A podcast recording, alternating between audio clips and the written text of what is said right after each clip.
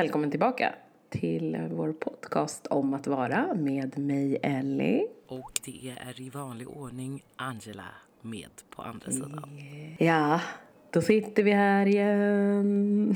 Vi är, och vet vad? Och- det är augusti. Ja, alltså det är helt sjukt att det är augusti. Jag kan inte riktigt fatta det här. Jag har inte landat i att det är augusti förutom när, ja, nu kommer det. My standard. En liten vindpust kysste min kropp. Och den kom med jävligt mycket kyla. Du kände att det var en höstbris. Ja. Alltså jag tänkte typ att så här, nej, men hörni, det är ju höst, det dröjer ju. Och sen kommer den och gör sig påmind. Sådär bara att, njut inte för mycket nu, för att snart kommer jag. Då jävlar blir det kallt. Oh. Så att ja, det är augusti. Fasen. Vad känner du för augusti? Nej men jag tycker det är lite härligt med augusti. Ehm, du Mm. vet när man får börja sätta på sig den här lite stickade tröjan men man kan fortfarande vara barbent. Alltså generellt när det kommer till kläder och mode så är ju hösten den najsigaste outfit-perioden. Lager på lager, Mm. alltså mycket snyggt så. Ja, det är härligt. Jag, vet, jag känner igen det här på det. är många som pratar om det. Att det är här, det är, man gillar det av den anledningen. Jag är så här, men jag kan tänka mig typ kanske halsduken och mössan. Sen så inser jag att jag pälsar ju på mig rätt friskt va? Vadå, vad jag är menar du? inte gjord för det. Nej men det känns som jag så här blir så här, jag tror ju att jag ska dö typ när kylan kommer. Ja. Alltså då bara, jag tänker inte frysa ihjäl. Så att jag har ju liksom handskar och det är halsduk och det, alltså det är så, så mycket. Så att när sommaren väl kommer då blir jag alldeles överlycklig och bara äh, slänger av mig allt. Mm. det är fantastiskt. Eh, men jag förstår ju stilmässigt så finns det ju väldigt mycket kul. Alltså väldigt. Ja, men just det här färger och former och det är så mycket man kan liksom latcha runt med. Mm, ja men verkligen. Nej, alltså varför ljuger jag och sitter och säger färg och form? Det är ju du som är färg och form. Jag är ju så tråkig man kan bli. med svart. Fast alltså, ja, det finns ju ändå för lite färg i din garderob ändå. Sen får man ju inte vara den som är den, alltså, eh, om vi säger så här. Svart och grått och eh, alla nyanser däremellan är också färger. Ja, det är det. I'm just saying. Eh, men det är ju så att alla har ju olika tycker för vilken typ av styrka i färg. Ja. Så skulle jag säga. Det. Kanske ett diplomatiskt svar, absolut. Ja, gud. men det är härligt det med. För det är som sagt, alltså, jag tycker typ, eh, det finns ju massa outfits som man känner så här, ja men det där, oh, det är riktigt snyggt, det är riktigt stylish. Men jag inser typ att jag är, ja men som sagt färg, ja, explosion. Jag gillar ju det. Eh, men just nu så jag vet inte, jag har inte spånat in så mycket än. Men det börjar väl komma sådär. Mm. Jag har inte heller gjort det. Alltså, är du en sån här person som gillar att shoppa i fysiska butiker eller online? Alltså, jag trodde att jag var fysiska butiker, men det är a lie. Skitsnack som fasen, för jag har ju typ inte gjort det på jättelänge nu. Ehm, det liksom dyker upp någon gång ibland, men inte alls oftast. Utan jag brukar vara mer online, för att det finns väldigt mycket kul ehm, där. Ehm, faktiskt. Så att eh, mer online än fysiskt. Du då? Ja, nej, men jag håller med. Alltså, jag får panik. Alltså, när jag var yngre så älskade jag att gå i butiker. Men nu, alltså, vet, jag var såhär, ah, ska vi gå på stan? Och så går jag in och så vänder jag i dörröppningen för jag bara känner hur det kryper i kroppen. Allting är så ostrukturerat. Och, alltså, jag gillar ju att gå in i typ, så här, i så fall designerbutiker som det bara finns lite av. Eller typ H&M i Fältan och i Täby centrum. De har ju gjort om dem så att det är mer så här varje, säger man, det är så här H&M Trend, Divider, det är, och det är väldigt luftigt och de har hängt upp, de hänger inte upp allt så att man ser liksom plaggen. Men att gå in liksom typ då? på Gina Tricot eller alltså Sara, det är ju ett självmord. Stressad. Stressad, stressad miljö, Sara. Men jag kan säga att det här med H&M, det har de gjort på fler ställen. För jag märkte det när vi var i Göteborg. Så var vi i Mölndal och där hade de gjort om det. Och de har även gjort detsamma i, är det Forum som ser likadant ut nu också. Okej. Jag tror fan att det var Ja, jo för, faktiskt, för jag var i Forum igår. Det är lite mer så, men de har, ja, det är inte exakt lika Men, nice. men jag håller med dig om att så här, man skulle vilja ha det annorlunda för att man känner att man blir stressad. Jag blir alltid som sagt fruktansvärt varm och jag gissar väl att det är väl ett så här stresspåslag som kommer igång. Mm. Eh, gillar inte det och gillar inte det här med typ när man ska stå och prova och så känner man så att ljuset och allt, alltså man bara, nej men alltså ingenting Gott känns särskilt smickrande. Så att eh, nej, jag vill inte ha de här. Eller att man blir så frustrerad på att det verkligen är eh, alltså, olika fel på plaggen. Så man bara, "Åh, den här får jag, får jag över knäna. Den här får jag inte på låren. den här kommer inte förbi mina vader. Alltså jag bara, äh, då, då blir jag frustrerad. Och det är främst i och för sig jeans och underkläder som jag verkligen känner så här, mm, mm, mm. Gillar inte det. Nej, alltså nej. Nätshopping for the win. Då kan du prova i Ja, din gud, takt och tid och sen bara skicka tillbaka det. För det som är bra är att många webbshoppar faktiskt har så väldigt lång, långt öppet köp. Ja, det är faktiskt bra. Det är väldigt bra. Mm.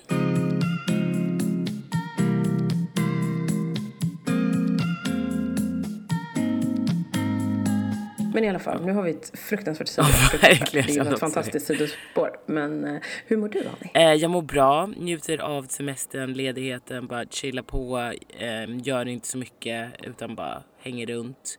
Vi sågs ju härom... Eller vänta, nej, innan jag berättar. Vi var ju du, härom, var det förra veckans podd eller förra, förra veckan? Då sa ju du åt mig att jag skulle åka till Kvarnholmen, köpa en glass och sätta mig på bryggan och äta. Och det gjorde vi igår. Gjorde du det? Mys! Vad tyckte ni? Ja men så trevligt. Jag tog den med Eller brynsmör. Alltså jag gjorde allt som du Men sa. alltså, vet du, jag måste bara säga. Jag propsade ju på att ni skulle ta brynsmörglassen. Ja. Den fanns inte ens när vi var på vår dagsdejt. Nej. Alltså jag men jag, jag ska inte säga, jag inte, alltså egentligen.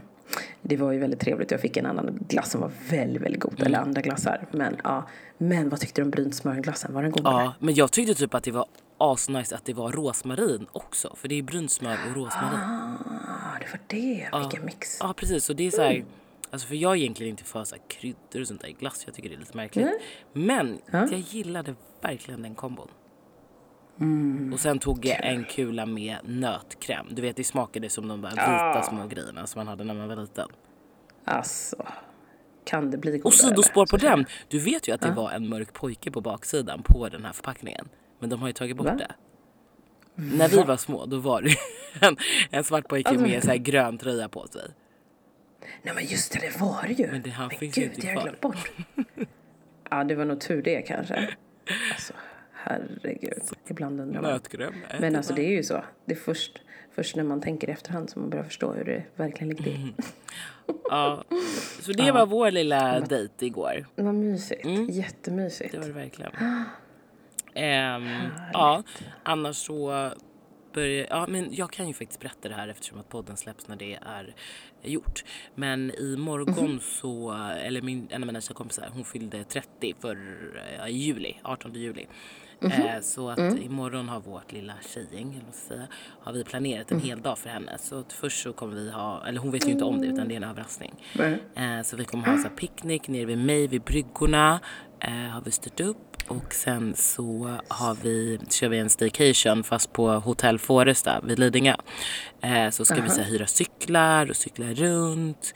Och sen så kommer vi käka middag i stan och sen gå till Bernsterrassen och dansa lite. Nej men vad trevligt. Ja. Gud vad fint. Ja men det ska bli. Jättefint ju. Ja, det tror jag verkligen de kommer uppskatta. Ja men det Gud, tror jag. ja. Hon är taggad. Alltså, vi skickade bara liksom en inbjudan till henne i vår grupp. Så här, vad hon skulle ha med sig d- för en hel dag, en kväll på stan och för en morgon.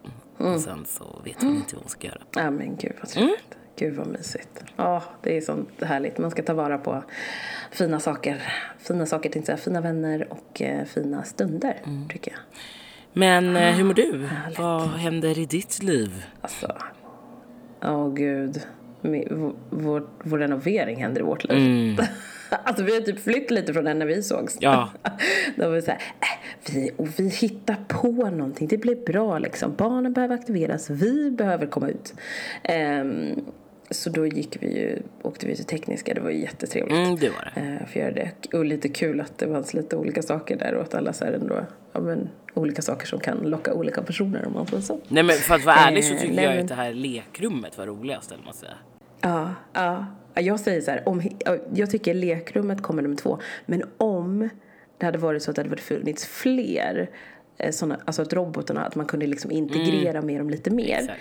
Då hade jag nog tyckt att de, den hade toppat, alltså, det vill säga, ja. Ja, eller vänta, vi kanske bara ska det hela, pausa lite för vi har ju inte berättat. Vi, för er som lyssnar så åkte gud, just jag, eh, min kille och Ellis familj, hennes sambo och hennes två döttrar. Vi var på Tekniska museet häromdagen. Eh, och de har en robotutställning, jag ska säga. Ja, som är liksom aktuell nu. Mm. Eh, och det var liksom en del som är robotutställningen som är ny då. Så, och sen så finns det andra delar som är lite så här mer interaktionsdelar som jag förstått är där stående. Mm, Megamind och sen Jag så... jag på det. Megamind, precis. Och sen vad var det? Framtidslabbet. Eh, Ja, den fick det var typ sorgligt.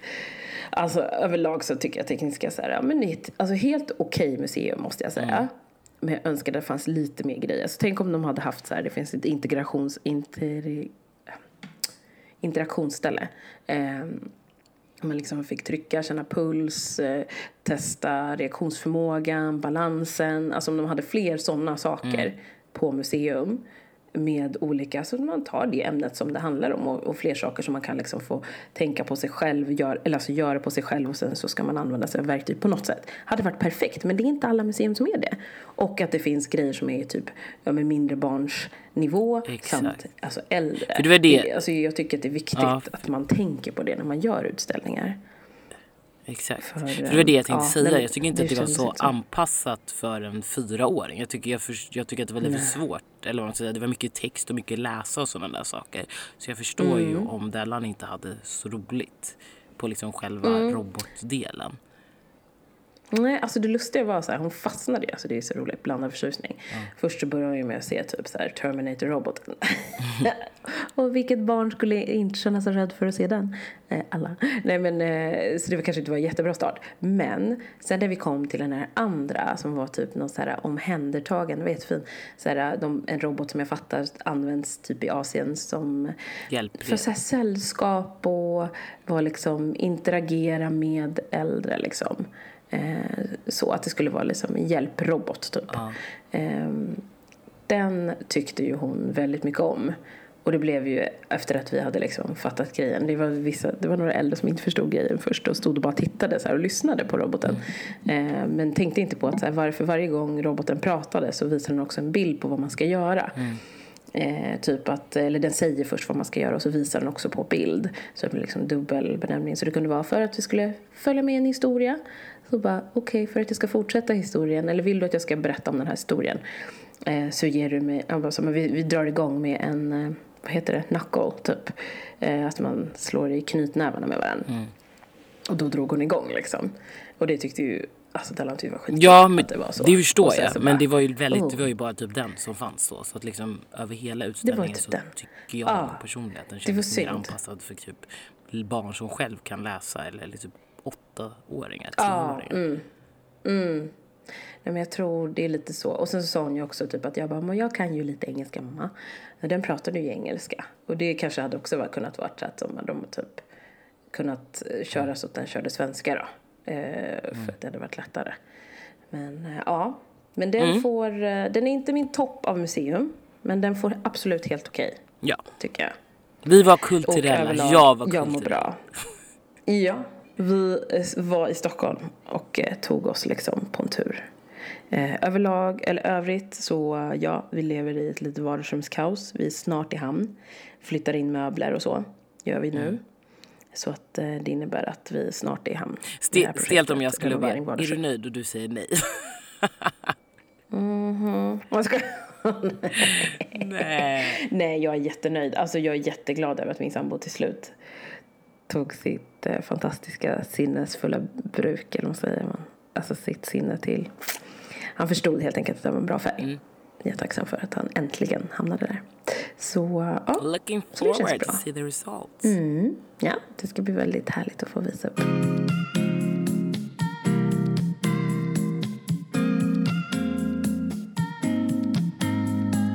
Det är ju dags för oss att kommunicera på ett annat sätt. Skojar. Jag bara skojar. Ja. Men du, du har ju syskon. Jag bara, mm. Hur många syskon, hur många syskon har du? Alltså min syskonskara, eller konstellation, den ser Mm. ju lite speciell ut. Men när jag ser till liksom, min biologiska familj så har jag på Mm. min pappas sida tre syskon. Två storbröder Mm. och en lilla syster. Och sen så på min mammas sida så har jag två äldre systrar. Och sen så hade jag faktiskt en bror på min biologiska Mhm. familjs sida också, alltså på min mammas sida, som hette Dennis. Men mm -hmm. han dog i Uganda. Alltså han fick lunginflammation typ när han var två. Nej men gud, det här visste inte jag. Nej. Nej, alltså mm. det, det, det är typ det enda jag vet om honom. Mm, så. Mm, mm. Men ingen av de här, ingen av de här, ingen av mina syskon har jag växt upp med på det sättet. Jag, eh, på mm. min pappas sida, de lärde jag ju känna väldigt sent. Så, Just det. så det, det jag ser som mitt syskon eh, i min fosterfamilj mm. eller liksom min familj som jag säger liksom är min mm. familj. Jag tycker inte att blod spelar någon roll utan det är den som har liksom uppfostrat dig, format dig till den du är som är din förälder om du vill så kalla det. Um, mm. Då så var vi ju en väldigt stor familj men vi som bodde hemma det var jag och sen Viktor. Um, mm. Som var min lillebror, alltså vi var bara ett år emellan oss. Så att vi var ju verkligen mm. så här supertajta som syskon. Och eh, han kom, jag kom ju till min fosterfamilj när jag var åtta månader. Och jag tror mm. att han kom till vår familj när han var två kanske. Antingen var jag fyra och han tre. Eller så var jag två. Nej, inte jag var inte två, jag var fyra. Ja, någon gång när han var mellan två och fyra. Då så mm. kom han till vår familj. Eh, och han är, hade sitt ursprung eh, från Rumänien. Men eh, som sagt, som jag sa tidigare, det spelar ingen roll att vi, vi kom från olika länder. Vi växte upp tillsammans sida vid sida sen vi var små. Mm. Och det är väl egentligen den närmaste syskonrelationen som jag har kommit när jag liksom har känt verkligen så här, ja men du är mitt syskon. Jag dör för dig, vi har saker tillsammans och så. Mm. Um, eftersom att jag lärde känna mina biologiska syskon mycket senare. Men mm. tyvärr så gick han bort uh, i 2011. Gjorde han. Så han var 21 då. Och det var ju mm. väldigt tufft och jobbigt. Det var ju den tiden som jag, jag bodde i London. Mm. Jag, faktiskt, jag har inte pratat så mycket om det. Eller jag vet ju, alltså, många eller folk som vet att vi var syskon, de vet ju såklart att jag har förlorat honom. Men egentligen inte riktigt vad som hände. Han var... Alltså vi var väldigt, när, som sagt, när vi var, gud nu är det bara så fram och tillbaka. När vi var små så var vi Nej, väldigt lika. Vi gjorde ju saker hela tiden tillsammans, hade superkul med varandra. Men sen så någon gång i han hade diagnos, han hade ADHD och sen hade han typ en sväng av Asperger också. Så när han var ungefär 10 eller 11 tror jag så um, fick han börja på ett internat. För att han skulle få liksom okay. lite stöd och bättre hjälp. Och min mamma kunde inte riktigt hantera liksom den situationen själv. Um, mm. Så där skulle han liksom få rätt verktyg och, och hjälp. Men han, egentligen så trivdes han väl riktigt aldrig där. Så han var på lite olika ställen, runt, eller två olika ställen som jag främst kommer ihåg som han var på. Um, men sen så uh, flyttade han tillbaks till Stockholm och då eskalerade det lite utav hans liv. Vi hamnade liksom på helt, vad säger man, två olika sidor av lagen. Han gjorde väldigt mm. stökiga grejer och det gjorde ju inte jag. Mm. Ja, Um, så uh, ja, jag vet inte vad jag, vad jag ska berätta eller vad jag ska säga. Men ja, jag mm. förlorade i alla fall honom i, i um, alltså, oh, jag vet inte, kan vi bara pausa?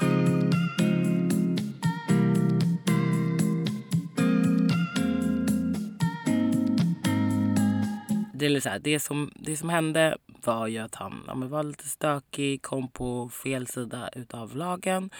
Och i något sammanhang så vart han, kom du ihåg att det gick, eller det finns en författare, mm -hmm. eller en journalist, Lasse Weirup, vet du vem det är? Mm, nej, jag tror inte det. Han har skrivit en bok som bland annat heter Svensk maffia. Okej. Okay. Um, ehm, och sen gjorde TV4 ville göra en dokumentärserie. Mm. Som var baserad, eller inte så baserad på, eller jo, typ egentligen baserad på boken. Okay. Eh, där de skulle träffa olika kriminella Aha, okay. eh, och mm. göra liksom en dokumentär eller ett reportage mm. eller vad man ska säga. Mm. Varpå de får kontakt med min lillebror. Mm -hmm. Jag vet inte hur. Eh, och vill då, för att han hade ju sitt gäng, Mhm. inom citattecken, gäng. Ja. Alltså vad var de? Ett gäng 20-åringar Jaha, mm. som saknade någon tillhörighet Mm. och hade hittat det i varandra. Gjorde små, små kriminella grejer. Mm. Eller ska inte säga, man ska inte här, ja men de gjorde kriminella Mm, saker. Men i alla fall så ehm, får produktionen kontakt med Viktor Mm. och ville då göra en, en dokumentär. Mm. Ehm, och sen så, du vet ju att när man spelar in någonting så tar det ju oftast upp ett år eller längre tid innan det här visas. Just det, precis. De ska klippa och hit och dit. Men så ville han inte, eller han hade ändrat sig efter de hade spelat in det här. Mm. Så hade han liksom skulle satsa på sitt liv. Han kände så här, nej, jag vill inte hålla på med de här dumheterna längre. Mm. Nu ska jag liksom börja gå i terapi och jag ska göra liksom rätt för mig så att jag får ett bra och stabilt liv. För att det här funkar liksom inte. Mm. Ehm, så att ehm, han ville inte att vara med. Han Mm. ville inte att de skulle sända det här. Liksom bästa sändningstid på fyran. Nej. Eh, Så att han gick till, eller han sa till min, vår mamma att så här, men jag vill inte vara med. Hon ringde till, det var, jag tror att det var Robert Aschberg som var producent för programmet. Mm. Eh, ringde till dem och bara, men han vill inte vara med. Mm. Kan ni liksom inte, inte sända det här för att han lever ett helt annat liv i dagsläget. Precis. De bara, ah, men det blir en superbra story. Vi kan bara lägga till en undertext att han lever ett annat liv. Gud. Eh, och vi kan typ förvränga hans röst eller vi kan blurra ehm, hans ansikte. Men det blir liksom bra. Eh, och, hon, och, och hon var med säger att vi inte vill. Nej, Hon bara, nej, de bara, du har, ingen, du har ingen talan för han är över 18 så han får göra liksom sin, sin egna åsikt. Så, så då fick ju han ringa själv dit, så ringde han dit och de, på något vänster så lyckades de väl ändå övertala honom att det skulle se bra ut Okej. ändå. Att de skulle, liksom, de men det här blir en bra story liksom. Folk kommer förstå att du inte lever det, det här livet längre. Jag bodde ju i London på den här tiden Just också. Ehm, och sen så fyllde han år också. Han fyllde år den 4 februari. Och programmet visades någon gång där i februari. Och det vart ju liksom, för det var ju en väldigt dålig produktion. Alltså det var, jag, jag tyckte det var väldigt osmakligt hela grejen eftersom att det var så unga, det var inte bara han utan det var andra unga killar. Jag tror till och med någon kille inte ens var 18 som var med där. Vad knas. Alltså, De skulle liksom sitta och prata om så här, hur coola de var etc. Men det var liksom inte, man, man såg ju bara så här, men snälla hjälp dem bara. Ja. Varför ska ni visa det här? Det här är liksom inga kriminella killar. Det är, Det är unga liksom trasiga pojkar som behöver hjälp. De behöver en kram. Mm. Ehm, och sen så visades som sagt programmet och det vart ju liksom i alla ramaskri. Mm. Han fick så mycket skit och det var det folk som skrev på Flashback och på Facebook och över överallt. Att bara, ja jag vet inte, massa glåpord och hemskheter.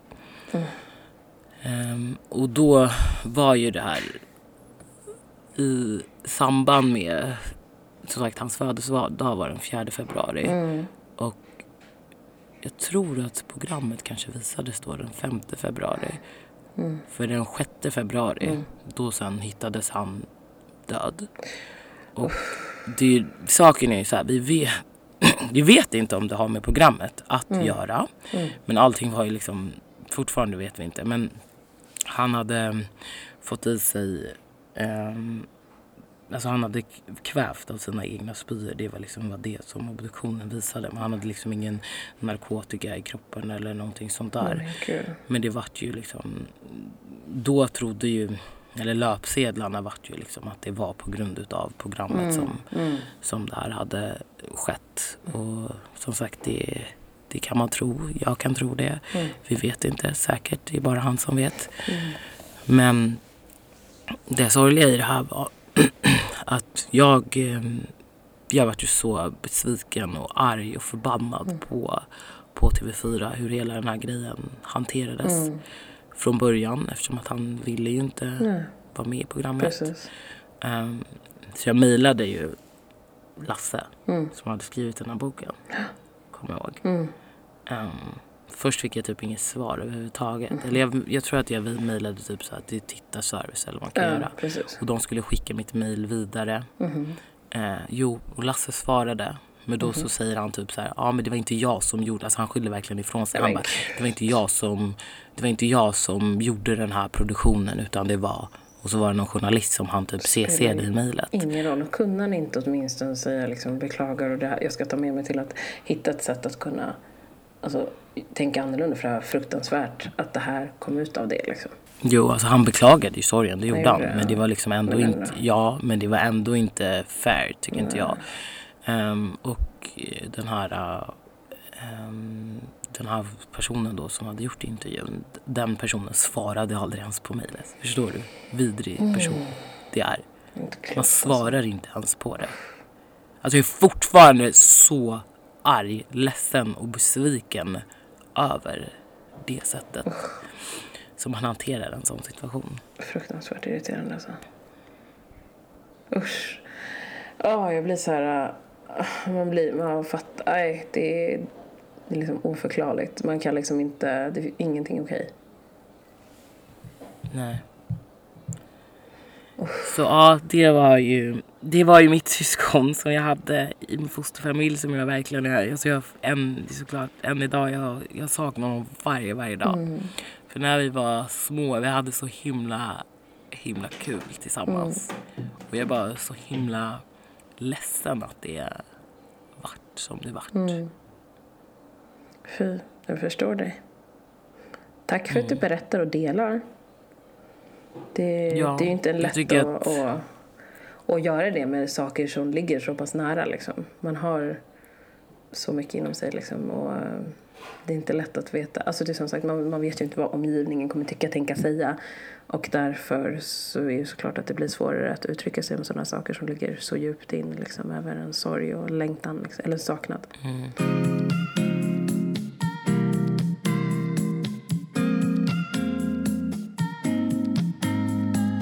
Men som sagt, det, det som är liksom det fina med syskon rent överlag är ju de här minnena som alltid lever kvar oavsett om det är bra eller dåliga minnen. Eller mindre bra minnen, man kanske inte ska säga dåliga minnen men eh, mindre bra minnen.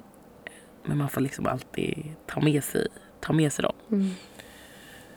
Och Verkligen. sen det positiva i det andra var ju att jag faktiskt fick inom citattecken också nya syskon. Ja. De som inte hade vetat om. Eller de som inte hade vetat om mig, men jag dem. Mm. Och det är också så här.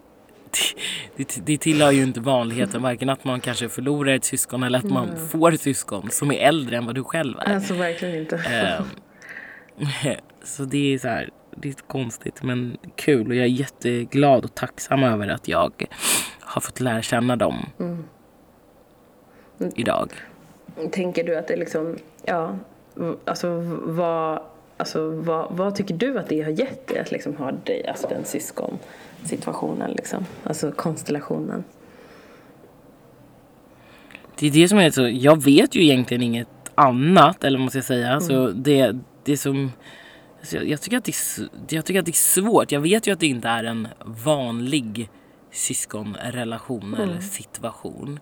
Men jag värderar ju ändå den väldigt högt.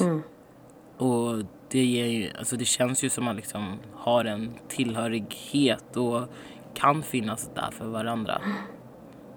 Jag måste säga att jag tycker att ju längre tiden har gått så desto vanligare, vanligare märker jag att det är med en lite annorlunda syskonrelation. Eller liksom det som man definierar som alltså syskon eller syskonrelation, Sy- eller det, man definierar som att du har så här, men syskon, så är det något annat idag än vad det var kanske för, jag vet inte, kan det vara 80-70-talet eller någonting där man ansåg att syskon är bara blodsband liksom så känns det som idag att det blir mer och mer accepterat och man märker att det är många olika typer av konstellationer eftersom folk eh, lever annorlunda liv. Alltså jag tror att när man har kommit ifrån det här som föräldrarna kanske hade förut att det var så här, ja men man ska mår, eller så har det hänt något dåligt i familjen så ska man hålla ihop oavsett hur illa det är. Liksom. Mm. Hur illa man kanske har sårat varandra eller vad som har hänt så ska du fortfarande hålla ihop för barnens skull. Fast barnen mår ändå dåligt för de ser att föräldrarna mår dåligt.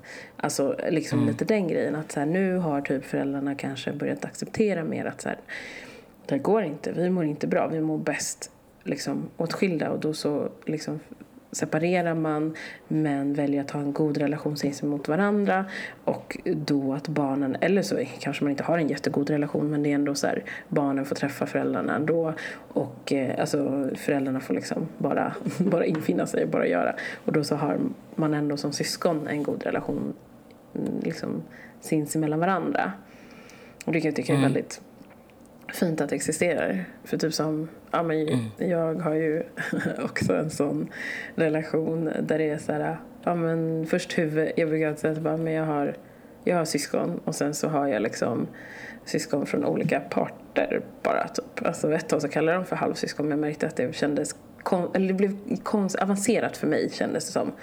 Eh, jag kunde liksom inte landa riktigt i att de faktiskt var en stor del av mig och vilket de nu idag är och har blivit och liksom kommer alltid vara.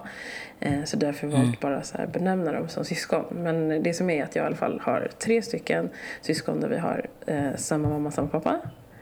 Eh, Carlo Doretta, love you. eh, och sen så har jag då eh, min en så här, jag har en, eh, vad blir det? Om vi ska köra det i, vad heter det, i, uh, i, all, oh, vad säger, ordning. Så blir det åldersordning så har jag då min äldsta stora syster som heter, uh, eller som heter, men hon är, vad är hon nu? Hon är typ i 40-årsåldern ungefär. Och sen så har mm. jag en, en bror som också är några år äldre än mig som bor i Uganda. Så min äldsta syster bor här i Sverige. Eh, och sen så därefter så har jag, vad blir det, tre syskon till. Fyra syskon till. det är just det där. Var det tre? Var det fyra? Ja, precis, precis.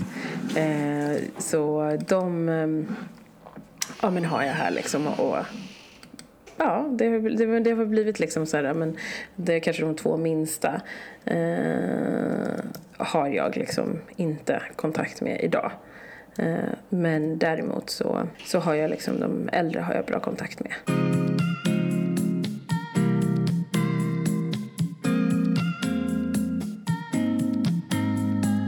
Ja men det har liksom blivit att eh, det har alltså varit en fungerande syskonrelation liksom.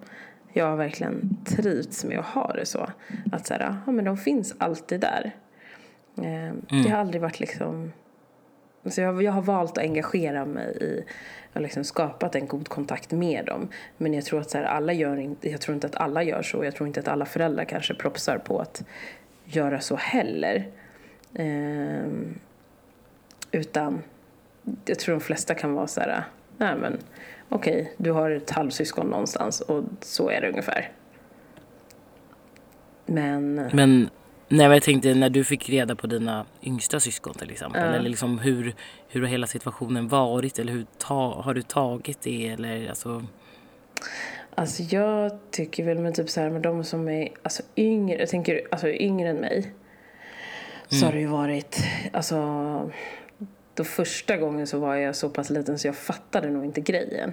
Och eh, det var liksom så här, aha, okej, okay, har inte greppat att vi riktigt är, alltså vi är syskon fast man ändå, då har vi bara så tänkt att man leker, man har kul och det är ingenting mer med det. Eh, men sen när jag blev äldre så blev det väldigt så här, oj men vänta lite nu, det innebär att min, vi, alltså mina föräldrar var fortfarande i en relation tillsammans med varandra. Eh, så mm. jag tänkte att så här, aha, okej, okay, eh, det här är jag trodde inte att... Alltså jag, jag, man ville ju inte tro att det skulle hända liksom. Eh, att man faktiskt valde att, eh, att, göra, eh, alltså att göra så. Eh, eh, utan jag tänkte att man åtminstone ska ha en ja, men, god relation där man är ärlig mot varandra och kanske inte gör något sådant. men eh, man har fattat att så är verkligheten liksom. Ja, som till exempel då, eh, eller jag satt och tänkte på typ så här, men jag har haft, eller förhållningssätten jag har haft till all, att få reda på mina yngre syskon har varit lite olika. Eh, men just som sagt, som jag nämnde innan var ju, ja, tyckte det var konstigt då, men det blev ju bra ändå. Ehm, sen så fick jag typ ett annat syskon, eh, fast då var jag lite äldre. Så jag var ganska medveten, eller då var jag väldigt medveten om det på ett annorlunda sätt. Att man var såhär, ah, okej, okay, ja ja. Min förälder var inte i relation med den här personen, så då var jag såhär, mm, Ja, ja, nej men vi kör väl så. Det, det, här får jag ett syskon till liksom, så får vi se hur det funkar och blir. Mm. Men jag har alltid liksom, jag tror så här, det har varit det har varit, alltså jag har mottagit det typ ganska okej. Okay, eh, men jag tror att jag har eh, ska man säga, tagit det alltså bestämt mig att förhålla mig olika till det. Alltså jag, om, förstår du ungefär hur jag tänker? Ja, men det gör jag. Alltså att man liksom säger, ja ah, men okej, jag har ett syskon så bara ska jag vara besviken på mina föräldrar mm. för att de har valt att göra så här. Eh, för det blir ju också ett ställningstagande, eller man väljer ju att utsätta sina befintliga barn för en ny relation. Mm. Eh, som de får liksom skapa eller man föser dem in i den liksom. Ehm, eller ska man liksom, alltså då, eller så ska jag typ eh, vara lite så här av och lite avundsjuk på dem, får de mer tid av mina föräldrar eller så. Eller ska jag bara bestämma mig för att så här, nej men nu tar jag dem för vad de är. Jag har fått en tillgång till att jag har fått extra syskon och extra personer som, som jag kan bry mig om och som kan bry sig om mig liksom, och som vi kan byta erfarenheter med och man kan få följa med på grejer och ja, men, umgås med. Liksom. Mm. För, Precis som sina egna helsyskon. För det vet ju jag det här med som du sa att um, Alltså att man tar relationer från de andra syskonen. Um, där mm. jag växte upp så var vi ju ganska, alltså dels för att min fostermamma hon jobbade ju även med liksom att jourhemsplacera barn och sådär. Så det var ju väldigt mycket barn fram och tillbaka. Så hennes biologiska barn fick ju inte så mycket uppmärksamhet för att alla vi andra, alltså eftersom det är ganska stor åldersskillnad där, tog den ifrån dem. Så att jag vet ju att de är liksom, de var ju arga på mig och de var ju arga på Viktor också. Eh, men även på mamma för att vi liksom stal deras tid eller vad man ska säga. Ah. Så det är ju en väldigt svår balansgång och speciellt om det blir så många, alltså många, många mycket åldersglapp eller man ska säga. För de var ju nästan till mm. vuxna. För att hen, min fostermamma, hennes äldsta dotter är ju liksom närmare 50 nu. Um, mm. Och jag är liksom 30 så det var ju 20 års skillnad i vår ålder. Så hon var ju liksom 20, vuxen mm. 20 när jag var liten. Ja, det är klart det blir något som påverkar mm. en väldigt starkt. Mm. Alltså svårt att undgå egentligen att det är så att folk, alltså man kommer hamna i kläm eller alltså känna saker. Mm. Det är ju det jag tänker så här, det är ju, alltså jag önskar ju lite att vi hade levt i typ den eran som är nu, att det är okej okay att prata om hur man känner och hur man mår mm. och liksom så, mer. För att jag tror att det är mycket känslor som inte har fått utrymme. Exakt tänker jag, när det kommer till just sådana konstellationer. För det är så här, ja men oftast är det så här, man hade ju inget val. Nej. I, alltså både din, era, ditt läge och mitt läge liksom, vi hade ju inte valt det här själva. Nej. Utan jag fick vi så här infinna oss att det är så här blev det liksom. Och det här är de som blev med dina syskon eller alltså mina syskon. Och eh, liksom extra syskonen, mina helsyskon var ju så här, ja det blev ju något annat liksom. Mm. För att vi växte in i det. Men för de andra så blev det bara så här, ja ah, okej, okay, ja just nu har det kommit till det här. Mm, nu är man mer medveten, okej. Okay. Mm. Får infinna sig. Men nu, alltså det jag tycker typ nu i vuxen ålder har jag ju märkt, alltså tillgången så otroligt mycket. Att så här, förstå sig på att man, så här, alla har er, alltså, olika erfarenheter. Och sen så att det är kul med den olika spridningen mm. på åldern liksom. Um, och att man, eh, ja men, alltså man blir som, jag vet inte, det är så, jag ett mysigt lapptäcke. Ja, det är verkligen ganska bra liknelse det är liksom, det är så här, alla har sina smått och gott, sina erfarenheter. Vi kan ibland prata om situationer som är så här, oj okej, det här hände då, det här hände då. Eh, vet du vad som, alltså så får man så här, olika perspektiv och, och synvinklar liksom på saker. Och sen så att man också har jäkligt kul tillsammans. Mm. Att liksom, nu kan vi ju skratta åt saker på ett annorlunda sätt, prata om saker på ett annorlunda sätt för att vi är äldre. Det är de som fortfarande är små eller de minst, alltså de minst minstingarna där det är klart att det är så här, där man kanske har valt en liten annan approach för mig men de som är ändå närmar sig min ålder, så tror näst yngsta är 15 ändå. eller 16 menar jag. Så där känner jag så här, absolut att vi har börjat hitta ett plan där man, hur man kan kommunicera på liksom. Mm. Som vi båda ger utbyte till varann. och det tycker jag är fint. Alltså det, det gillar jag verkligen. Eh, stormtrivs med att ha alla mina syskon för att de har så fina egenskaper liksom, och ger mig så mycket eh, i erfarenhet, kunskap, alltså också frustration. Mm. När man, så här, man får prövning på liksom saker och fortfarande lär sig saker om sig själv och om, um, om dem som personer. Uh, så mycket kärlek faktiskt. Mm. Det tycker jag är fint. Ja, men det kan jag sakna och det kan ju liksom lite efterliknas som liksom ett ensam barn. Nu hade jag ju ändå ett syskon när jag var yngre så. Men just det här mm. med den här, alltså man får ju liksom ett annat bond och en annan gemenskap än som har liksom en, det är en bästa kompis fast man ändå är liksom syskon och alltid är där för varandra. Mm. Um, det, det, det, blir ju en annan typ av relation som man bygger när man lär känna varandra senare. Det är liksom, mm. de, mina syskon på min pappas sida, de är ju liksom helsyskon och det är egentligen mm. de tre, så som ni var ni tre mot världen. Sen är ju jag den där mm. som kommer in vid sidan av, som klampade in i, i, i en familj och mm. också ska ta plats. Och med vilken plats mm. ska jag ta och vart? Alltså nu har ju mina syskon och även min styvmamma, alltså alla de har ju ändå stått öppna med sina famnar så. Det är inte det, men det är också mm. vad, man, vad man själv ska ta för plats. Mm. Mm. Jo, den är svår. Jag tror att det tar ett tag innan man liksom finner sig i den också. Mm. Alltså, tror jag. Alltså det är ju så... Alltså, nej, jag tror, att det, jag tror verkligen att det tar, det tar sin tid innan man hittar det och hittar sitt sätt att förhålla sig till det. För jag tror att det är det som är så himla viktigt, att man får hitta sitt sätt. Mm att förhålla det, att det får vara okej okay också. Mm. Att man får sätta liksom en nivå som är så här, ja men det här känns rimligt för mig att det är den här typen av relationen vi har och vi ses på och sådär. Eh, och att, eh, men jag förstår så här, den saknaden av att man har så här, man känner att det, om man vill att det ska vara på ett visst sätt, såklart.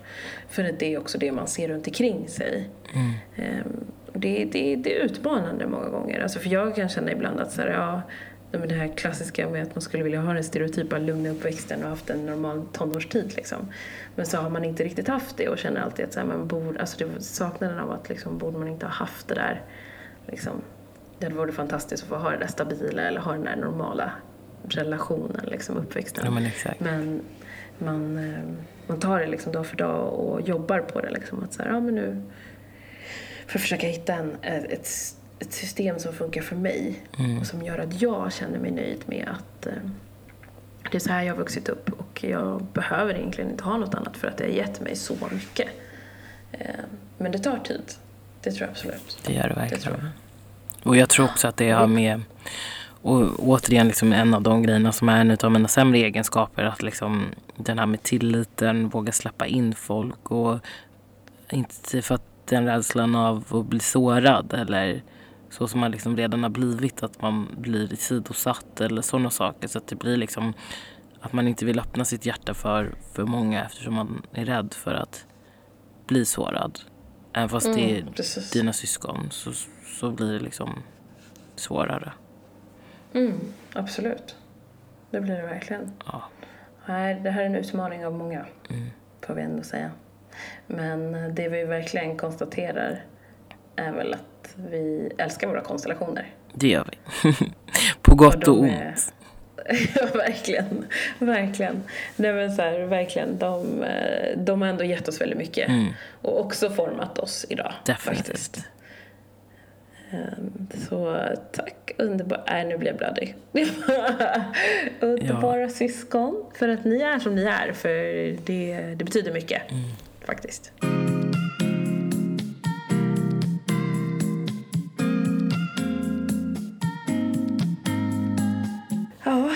Ja, men då var det ett litet tungt avslut, eller man ska säga tungt berörande eh, avsnitt idag. Mm.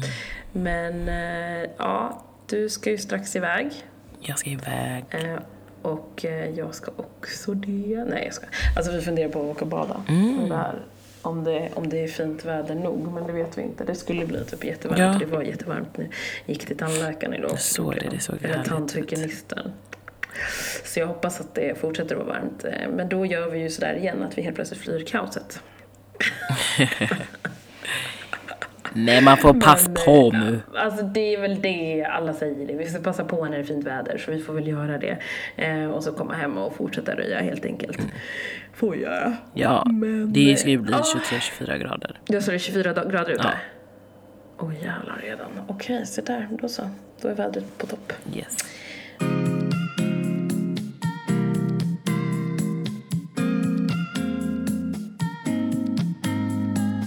Nästa vecka så kommer det en liten Q&A. på lite frågor hörni. Så är det någon, ja men är det fler frågor ni vill ställa så gör så att ni skriver till, ni kan ju skriva till oss, DM oss eller kommentera på en bild som jag tänker att kanske kan vara i sin rätt att vi lägger upp en liten bild på vad för typ av Q&A skulle ni vilja ha. Eh, men det blir nästa veckas avsnitt, det ska bli väldigt kul att höra lite frågor och lite svar. ja, Exakt. Hörni, då kör vi då. Då tar vi oss, ta an Det gör vi. Ha en fin dag. Karpa den. Karpan. Puss och kram. Puss, hej. Hej hej!